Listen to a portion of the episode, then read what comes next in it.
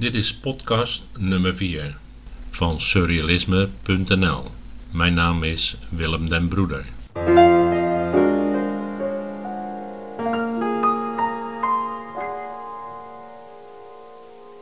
Het volgende automatisch geschreven surrealistisch verhaal is geschreven door, eh, door mijzelf en bezoekers aan mijn website, welke alle een, uh, een zin hebben opgestuurd en welke ik dan achter elkaar gemonteerd heb. Ik zal ze even noemen bij naam. Camilla Carillo, Marit van den Berg, Leon, Remy, Rick Hutchinson, Jessie Lapoor, Miranda B, Annelies Appelhoff, Polly, Sandra Boets, Isabel, Matthew, Angela, Elsje, Pino, Carlos Martins, Nick Glasberg, Juri Groenendijk, Evie Klaus, Willem Borst, diverse malen, P. Jonkman, Wim Koopman en mijn goede vriend Hans Gijssen. Alle zijn regelmatige bezoekers van surrealisme.nl. Hier het verhaal.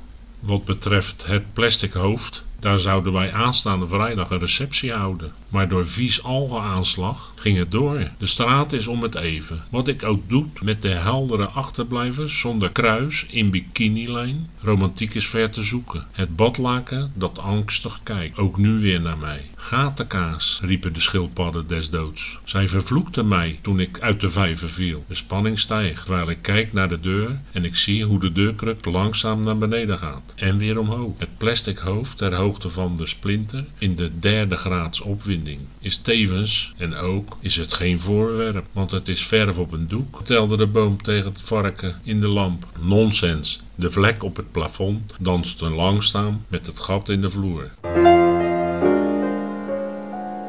Blub zat in een kom met water. Hart mag vrij, schreeuwde hij uit zijn achtereind. Niemand zag het maar. Iedereen wist, alle tongen in één mond, alle lust in twee handen. Het kruis in mijn derde oog, alle geil als vloeipapier.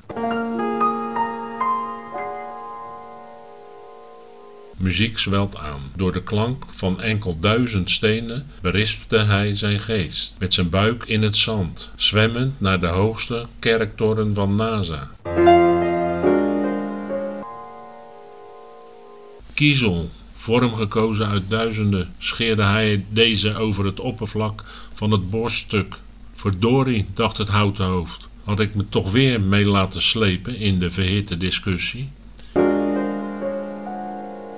Ik voelde mijn oor langzaam naar beneden glijden als houtskool. De gaten van de kaas zijn als de diepste van mijn gedachten. Ze zijn incompleet, maar toch typerend en heel lekker met al dat roze slijm.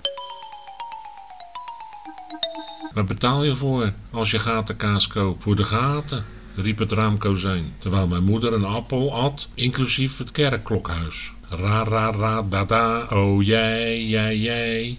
Bleek en zacht was het gezicht dat ik vasthield. Nog een kind, nog een slapende vrouw. Heet water voor allen. Achter mijn masker schreeuw ik in stilte waar ik was toen jij bestond. De goudvis is maar iets raars, want het is toch onmogelijk om oranje te zijn en goud genoemd te worden? Waarom niet fladderde de doorzichtige ekster? Er was eens een teen vol met gaten in een handschoen. Rechts, terwijl de kers in een elliptische baan rond het scrotum vloog. Terwijl de man zijn hoofd opensneed en naar binnen keek, zag hij een groep idioten de marathon rennen. Ze zat op bed met haar benen wijd open. De man opende het raam en sloeg de vlieg. Het klopte in zijn totaliteit niet, terwijl het wel klopt. Maar hoor maar, nergens werelden als in de sterren, zeiden de sloffen in een licht bokaal. Als de nacht valt, valt haar torso, gebroken in stukken, op fluwelen ondergrond. Wanneer het licht volume kreeg, valt het naar boven in één stuk en is het laatste avondmaal begonnen. Het zal de tijd als reden zijn geweest om na honderd jaar eindelijk verder te gaan waarmee je bezig was op het moment toen glas vloeibaar werd op kamertemperatuur, nu alweer zeven minuten geleden. Het avondwater vloeide als streken van een bloederige penseel, verzonken in de oneindige herinnering van een steelpan met vermoedens van oneindig lijden. In de verte stond een zwart lijden in verwachting van een nieuwe dag, terwijl het ochtendgloren openbaring bracht. Met het laatste in het achterhoofd vloog de putdeksel als een ufo over het pasgemaaide kunstgras, alwaar de matroos het dek schrobt met een massief dameshoedje. De goddeloze maan van erotiek keek tevreden op dit schouwspel, dat zich afspeelde in de zilveren vingerhoed van de vlinderkoning. De muze van de houten katers laafde zich aan het rottende karkas van de dronken kater. Eindelijk kwam de dood, vreed en waarachtig. De worm, welke een fobie voor gras had ontwikkeld, tijdens zijn zesde dansles probeerde met de fles kwikzilver een salto te maken, waardoor een hevig pijn in zijn toekomst aanwezig zou kunnen zijn.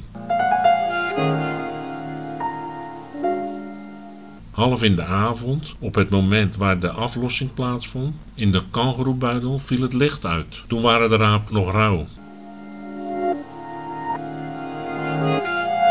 Lazarus streek neer op de heilige velden, alwaar hij staande hield op de golven van paniek. Het laatste oordeel is gekomen, sprak het zwarte licht. Pak al je bezittingen en laat alles achter, behalve je herinneringen, kostbaar door gebrek aan betekenis. Icarus is mijn naam, riep de wolf met de kolibrie op zijn vleugels. Het zoemende geluid kon niet veroorzaken dat het spul loskwam van de grond. Maanlicht verstoorde dat op een hardhandige manier. De teerling was geworpen en de onderhandse verdeeldheid tussen de elementen ging onverminderd voort. De harpoen, stevig geplant in de rug van de walvis, kon echter niet voorkomen dat de schuim marcheerde, rasse schreden zette. De koelheid van het opgeleide vuur was intens. Nadat Hendrik de eerste rondjes had gevlogen, was hij plots in de buitenlucht beland door een spleet naast het raam in de brouwerij. Daar merkte hij enkele moleculaire rottingsdeeltjes op van een dode toerist. Zij kunnen je vier keer per dag, maar niet je leven lang achtervolgen. Je moet geleefd hebben, maar ook op een dag bepalen om gelachen te hebben. Juist daarom kunnen weten welke smaak het is. Dus echt, je moeilijk maken kan iedereen. Hoezo niet? Met niet één vinger blijkt dus hoe het voelt als er een lach start. Laat staan twee. Het stemmingenregister werd weer opengetrokken tijdens de Lach of Je Leven show. Met, met vandaag een dag van omkijken, om te zien waar je angsten liggen. De boom zat vol met mieten en viel door bliksem afgeleid. Treurig lag hij met zijn kruin in een modderpoel, vol gaten. Zijn grote teen wees naar de lucht. De teen wees niet alleen de lucht in, maar stond in de rechte lijn met de tarantula-nevel. Wat een reusachtig H2-gebied is in grote Malganese wolk, hier enkele miljoenen lichtjaren vandaan waar alleen in de vroege ochtend rond 5 uur het wormgat openstaat voor roereieren. De kosmos wilde geknipt worden, maar de scharenmachine was stuk doordat de ontsteking niet werkte. Het ging niet door. Wat wel doorging was het eeuwige treuzel van het licht uit deze hoek en de kosmos, wat altijd ophield met schijnen tijdens een lantaarnpalenduel op het Wiebootplein, ter hoogte van de favoriet tussen Theba en Theba. Om verdere escalatie te voorkomen werden groepen entiteiten tegen elkaar opgezet om elkaar met speldbroden te bekogelen, terwijl ze van beide zijden scandeerden Boze boeren bakken bruine broden, boze boeren bakken bruine broden. Vanaf de Oesterdam werd hier afgekeurd op gereageerd, maar het bleef bij woorden. Echter wilden deze boze boeren daags hierna toch naar de residentiestad. Dit keer niet op hun tractors, maar op de ruggen van gladde groenachtige plankton etende pinguïns met struisvogelpoten. De rivier Elf boog hooghartig voor de nimmer zwangere druppels. Vieren en ene schreeuwde moord en brand. Maar het mocht niet meer baten. Het hart was voorgoed kapot, verscheurd door onmenselijk lijden. Ooit een aanzwellend liefdesvuur, thans een gekke, dore woestenij. Het begin van alles en het einde van niets was onzeker geboren. De donkere hemel met zijn allesomvattende geboortelicht was een leugen zo groot als de waarheid. En daar was het, de totale onzekerheid, oppermachtig, pijnlijk, maar tegelijkertijd ook wel weer vervreemdend. Hoewel de ontstaansgeschiedenis van het begin in de korte periode na het einde vrijwel onzeker was tijdens de visualisering van het geheel met daarbij de kans op eindeloos verdwijnen.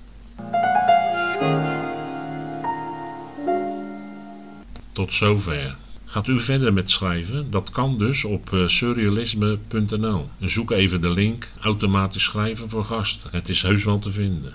Nou bedankt. Dit was podcast uh, nummer 4.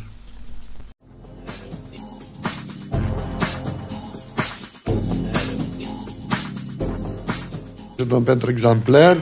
Je trouve que c'est peut-être le premier des peintres surréalistes, très scolaire et il devrait servir dans toutes les écoles du monde, inclus la Chine de Mao Zedong, pour illustrer euh, d'une façon primaire ce que c'est que la poésie. C'est celui qui a donné des exemples les plus frappants du langage poétique.